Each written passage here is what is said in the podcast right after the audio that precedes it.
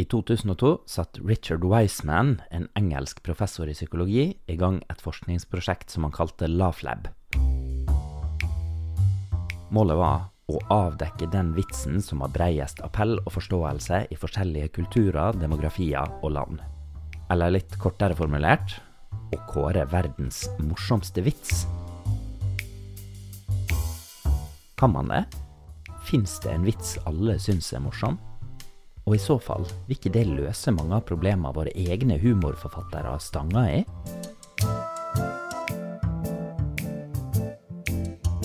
Velkommen til sjette episode av Barnebokkritikk's podkast. Jeg heter Eivind Rutle og har tatt over stafettpinnen som programleder. I dagens episode skal vi ta for oss humor.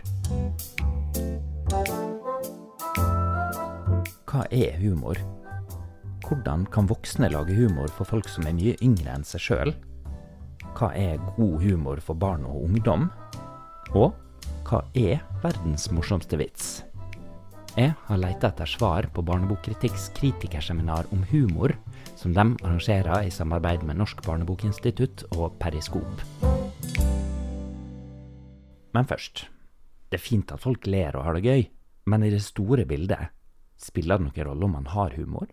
Altså, munnhellig norsk kultur er jo en god latter for lenge livet. Det her er Sven Svebakk, professor emeritus i medisin ved NTNU og humorforsker. Og dumheten med det er jo at uh, det er mer dokumentert at kraftig latter kan ta livet. Si litt om det. Du kan få hjerneslag, du kan få hjerteinfarkt, du kan le på deg brokk. Og det er jo ikke noe behagelig. Og inkontinens eh, kan folk få eh, problemer med når de får en krampelatter. Og, altså, det er mye mer veldokumentert at det er fare for liv og helse med latter. Det var den myten å avleve, altså. Hvis du vil leve lenge, hvis du vil holde det som hører til inni kroppen, på innsida, så er det ikke sikkert at det er latter du bør ty til. Men det er ikke latter som er Svebakks spesialfelt, det er humor. Nærmere bestemt humor og helse, og det har han forska på i flere tiår.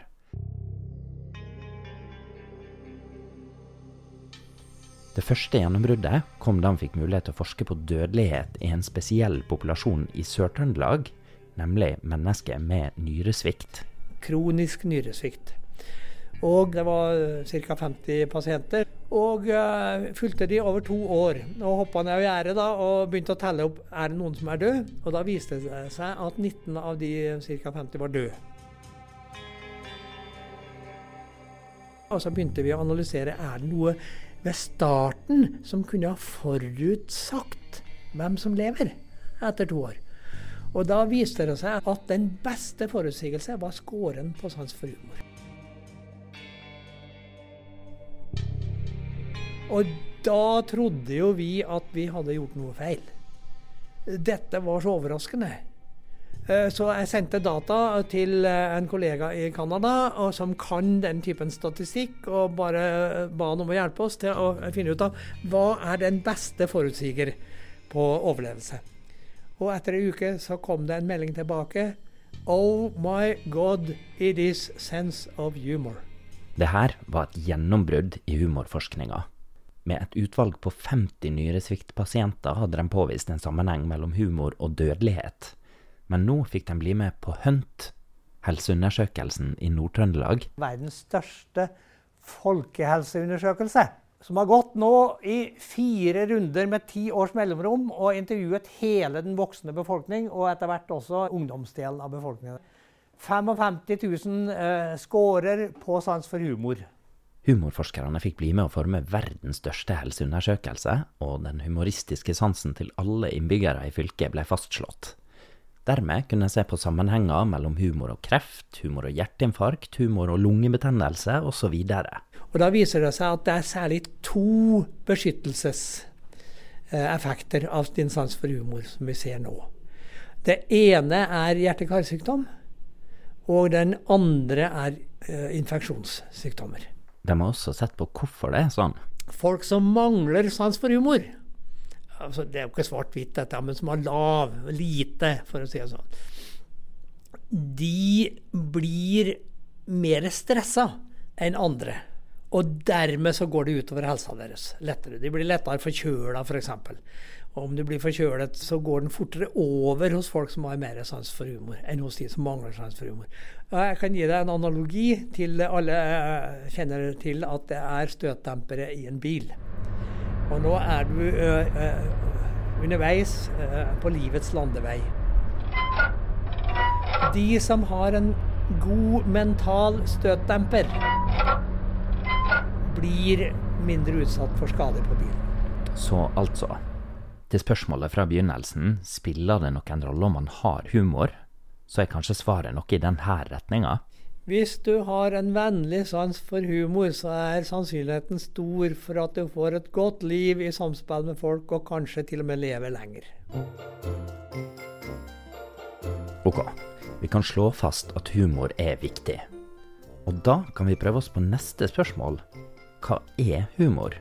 Jeg har sånn mer eller mindre ubevisst tenkt at humor og latter er veldig nært knytta til hverandre.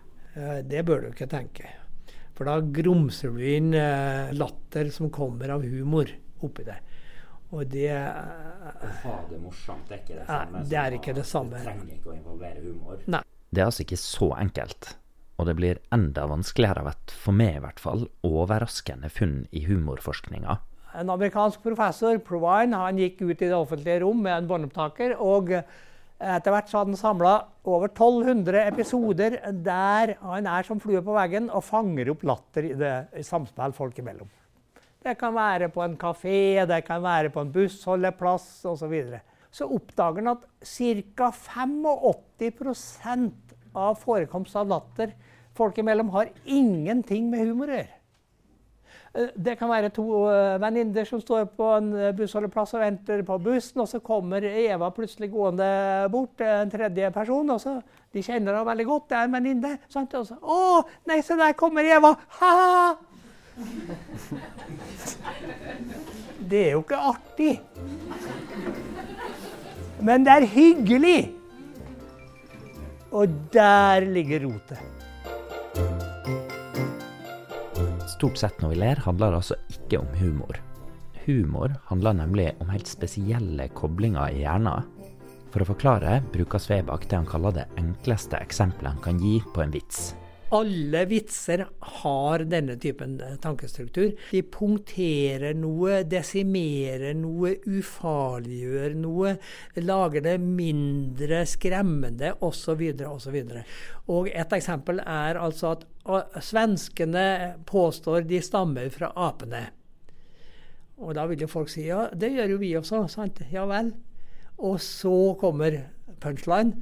Men apene nekter det er en sånn da, da, altså, Svenskene blir med andre ord degradert til å være noe så ugreit at selv ikke en ape vil være i slektskap med det. Det er altså en degradering, eh, diminishment, som det heter på fagspråket. Det er humorens tankesynergi. Enten du syns den er morsom eller ikke selv, så har den den formelle tankestrukturen, som er humorsynergiens struktur. Diminishment, degradering, ja. det er en ting vi er programmert til å le av? Ja, gjerne eh, eh, kablet sånn at den eh, utløser da munterhet. Humor handler altså dypest sett om ting som blir gjort mindre farlig eller mindre skremmende. Men når du ler sjøl, Fins det noen måte å vite om latteren din er blant de 15% som er utløst av humor? Når krampelatteren tar deg, da kan du gå ut fra at det er en sånn humorsynergi. Det er aldri krampelatter på at Eva kommer. Hvis det skjer, da føler hun seg mobbet. Ok, da vet vi litt om hva professoren vår tenker om humor. Nå skal vi prøve et annet perspektiv.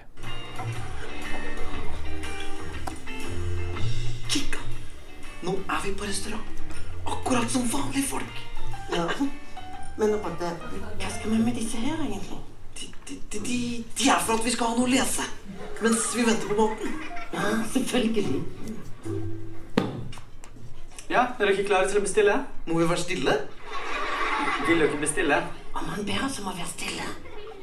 Be stille? Ja, hva vil dere ha? Ja, hva vil vi ha? Ja, hva vil vi ha? Hva, hva vil vi ha? Kanskje dere har lyst på pannekake? Pannekake? Ja, pannekaker, det vil vi ha. Takk skal du ha. Takk, takk, takk. Mm. Hva er pannekaker? Hysj! Pannekaker er pannekaker. Vær stille nå. Det her klippet er fra humorshowet Rodde og Kikkan på NRK Super. Håkon Bast Mossige har vært hovedforfatter for alle seks sesonger av serien. Um, I Rodde og Kikkan så er det handler det om to tydelige karakterer som da har forskjellige kvaliteter eller feil og mangler, som er tydelige motsetninger og skaper friksjon og eh, humoristiske situasjoner. Eh, og det, er- ja, det, det, det skaper humor. I en workshop han holdt på Barnebokkritikk's humorseminar, forteller Mossige litt om bakgrunnshistoriene til de to karakterene Rodde og Kikkan. Det er et studioshow. Det er to karakterer med mer motivasjoner. Roddes motivasjon er Han har vært et kose, kosedyr som lå på loftet hos eieren sin, var glemt og forlatt. Rømmer fra loftet. Drømmer om å da leve i samfunnet som vanlige folk bli akseptert av fellesskapet eh, for, som den han er, men som en helt vanlig fyr, ikke som et kosedyr.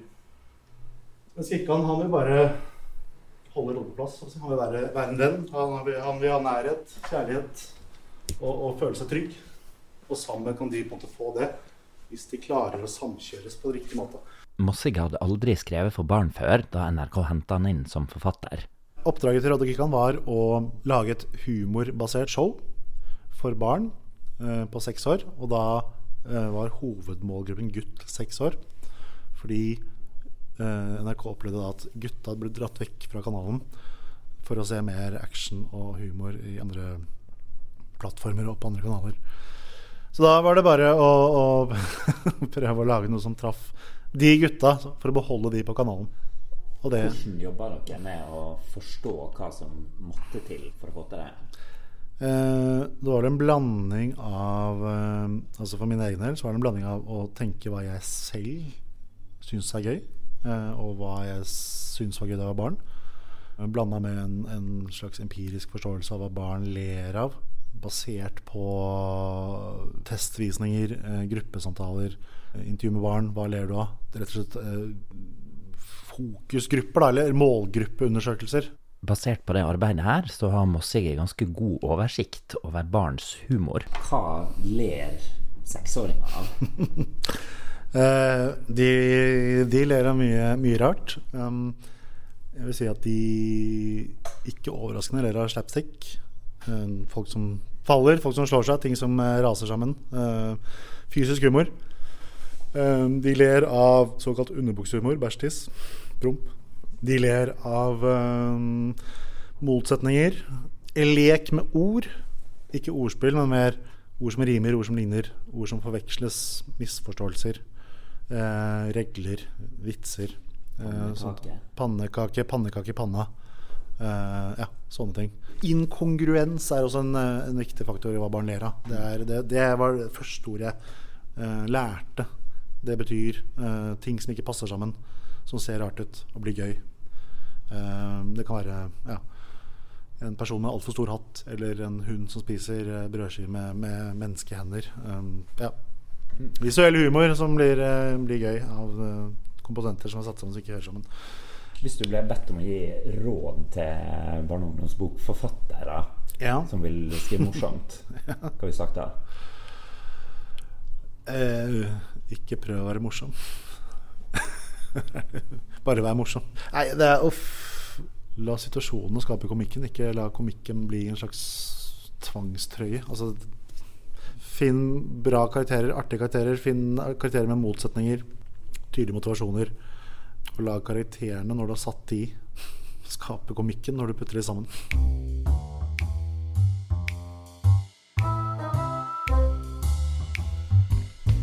Tilbake til Laflab-studien, den som skulle finne verdens morsomste vits. For å samle data laga professor Wiseman et nettsted der folk kunne både sende inn og gi poeng til vitser. I løpet av det året studien varte, fra september 2001, kom det inn mer enn 40 000 vitser, og vitsene ble rangert over to millioner ganger. Basert på det her så kunne de altså kåre den morsomste vitsen. Men de gjorde også andre funn. F.eks. kunne de slå fast at vitser som har 103 ord, er de morsomste, og at høyre- og venstrehendte lar seg more i like stor grad. Vi vet at i norsk vitsekultur er det mest populært å gjøre narr av svensker. Studien viser at de fleste land har sine favoritter, og tendensen er tydelig.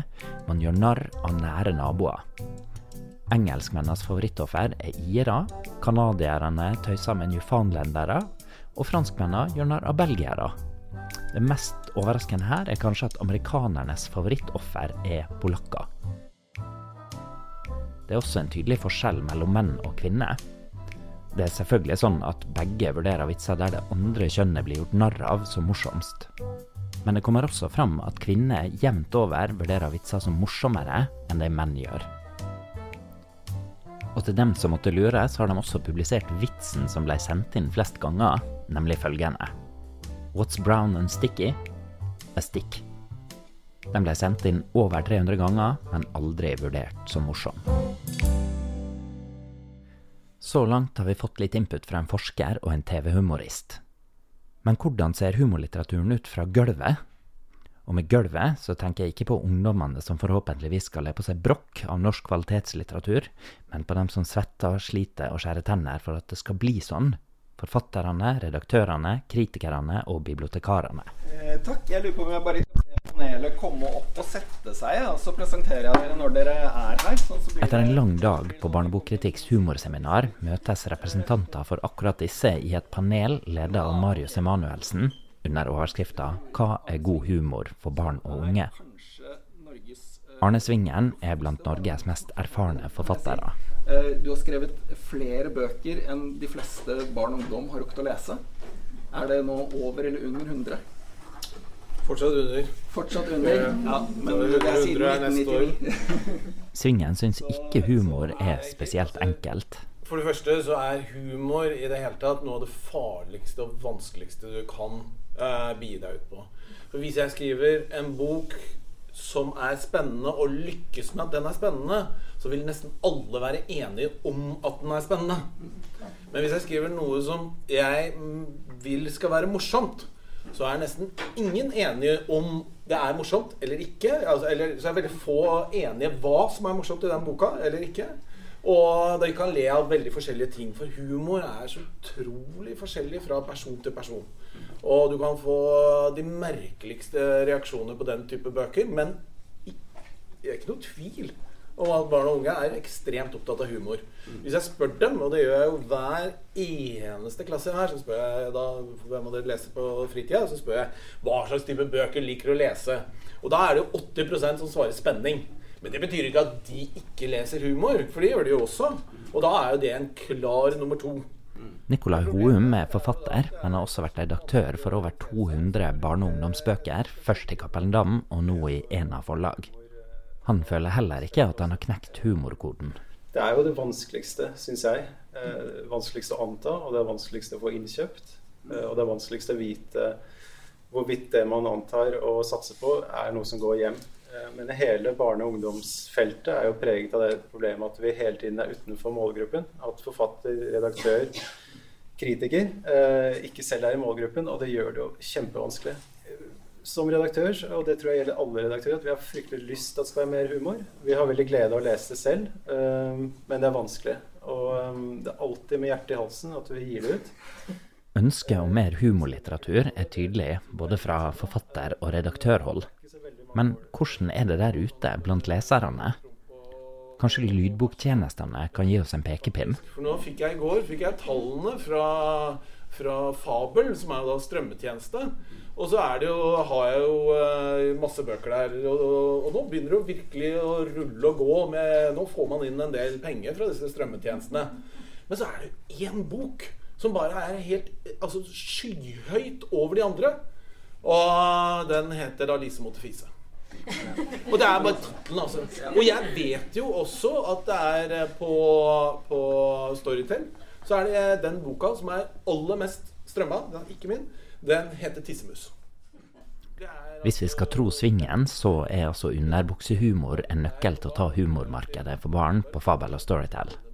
og alt tyder på at etterspørselen etter humorbøker, både som lyd og på papir, og både på underbukse og eksistensielt nivå, er stor. Men hvordan er det på tilbudssida? Houm har gjort bokettersyn i sin egen redaktørlogg. Har vært redaktør for 237 bøker til sammen. eh, Og av de så er det bare 35 hvor humor er virkelig til stede. Eh, Humor som bærende element er det bare i 20 av de titlene. Så da er vi nede i 8,4 Men hvis vi sier at 85% av bøkene jeg har jobbet med, har ikke vært, eh, humor har ikke vært veldig til stede, så tenker jeg det er mer enn eh, enn 15 av barn og ungdom som, hvor humor er en ekstremt viktig del av deres liv. Ikke sant? Barn og ungdom ler jo masse. Jeg syns huska jeg gjorde det selv da jeg var i den alderen. Um, så det, det er jo helt klart et eller annet vi ikke gir dem, som vi burde gi dem. Houm har et hjertesukk om humorbøker. Det er ikke så veldig mange år, år siden det var på en måte Å være humoristisk var ensbetydende med å være lett, ikke sant? At ikke, man tenkte at der er det ikke noe høyt refleksjonsnivå. Der er det ikke noen tunge tanker. Det er ikke noe verdi her, fordi det er morsomt. Eh, Og det, det likhetstegn der ser man jo også i voksenskjønn i Norge. Det er jo en, en spesiell nordisk, eller kanskje europeisk arv, som gjør at vi tenker at um, det er ikke noe tyngde i det fordi det er morsomt. Arne Svingen opplever det samme fra forfattersida. Når jeg skriver disse humorbøkene, så er jeg på en måte Da er det bare meg og ungene. Det er bare meg og leserne. For det, jeg føler at det ikke finnes noen voksne ledd der, for de hører jeg aldri noen gang noe fra. Jeg hører bare fra de ungene som er leserne. Jeg hører ikke noe fra formidlerne, jeg hører ikke noe fra anmelderne. Jeg vet at det ikke kommer til å være noen ting rundt disse bøkene. Og jeg vet at hvis jeg noen gang skal få et oppslag eller en pris, eller noe sånt, så må det være noe som er mye tristere.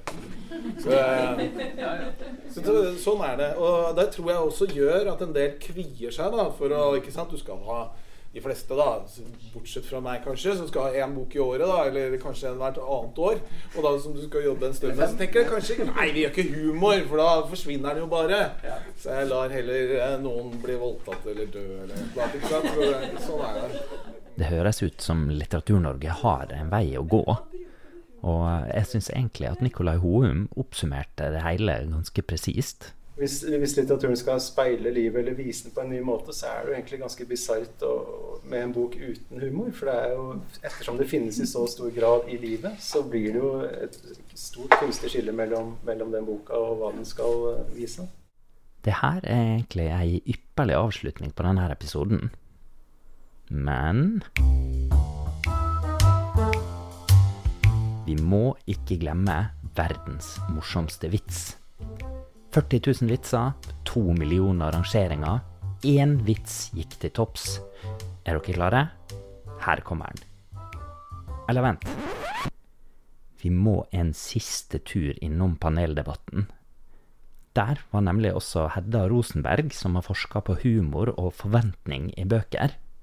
Hun har sett på hva som skjer med opplevelsen hvis leserne på forhånd er lova at ei bok skal være morsom. Hvis man leter etter en humor og ikke finner den, så er det jo sånn skuffende, litt sånn nederlagsfølelse. At hvor er humoren her? Jeg, jeg ser den ikke helt. Um, Nå snakker du på baksiden at dette er en veldig morsom bok, eller ja, man skriver noe sånt. Ja, det er ja, og så har man en sånn forventning. Og jeg tenker jo også sånn eh, Hvis Mm. eh, bibliotekene har en sånn humorhylle, ikke sant? hva skjer med de bøkene som står på den? Eller som har sånn jeg vet, sånn smilefjes på ryggen bakpå. 'Den er morsom!' Liksom, hva skjer når man møter et sånn Ja.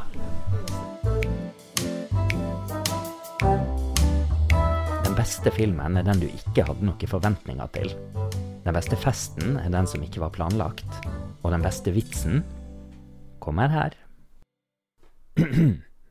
to jegere er ute i skogen da en av dem kollapser. Han ser ikke ut til å puste, og øynene hans er glassaktige. Den andre drar fram mobiltelefonen sin og ringer nødsentralen. Da han får svar, sier han bestyrta. 'Min venn er død, hva kan jeg gjøre?' Personen på nødsentralen svarer med rolig stemme. Ta det med ro, jeg kan hjelpe. Først, la oss forsikre oss om at han virkelig er død. Det blir stille. Deretter høres et skudd. Tilbake i telefonen sier jegeren.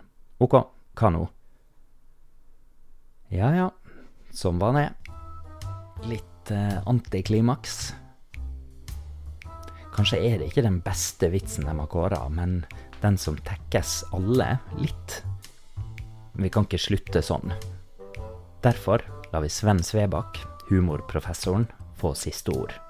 Kjenner du til LaughlLab-prosjektet fra Storbritannia? Og, ja, den, og den er data-IT-basert, hele den er veldig IT-basert. Eh, ok. Det fins ingen mulighet til å komme i mål med et sånt prosjekt. For humor er så forankret i subjektiv livserfaring, og den må du dele med noen. Og det er så mange eh, sansvarianter for humor som det er livshistorier. Det er håpløst, og derfor kørka dumt.